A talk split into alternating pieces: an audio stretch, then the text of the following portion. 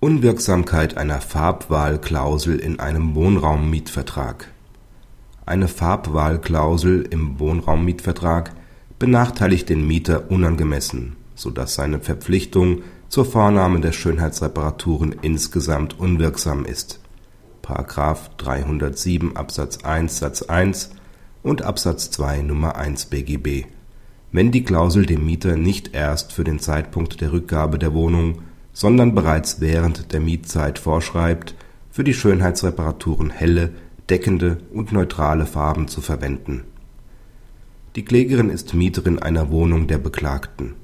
Die Pflicht zur Vornahme der Schönheitsreparaturen ist im Mietvertrag formularmäßig auf den Mieter übertragen worden.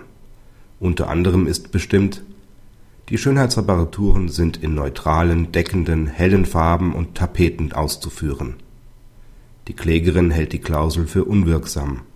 Sie hat beantragt festzustellen, dass dem Beklagten kein vertraglicher Anspruch auf Vornahme von Schönheitsreparaturen zusteht. Das Amtsgericht hat die Klage abgewiesen. Die Berufung der Klägerin hatte Erfolg.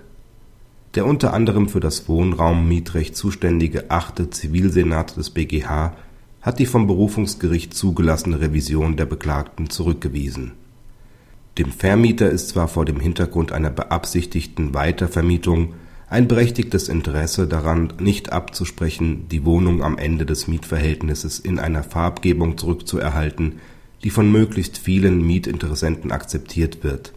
Es besteht jedoch kein anerkennenswertes Interesse des Vermieters daran, dass der Mieter bereits während laufender Mietzeit auf andere Gestaltungen, seien sie farbig oder nicht deckend, verzichten muss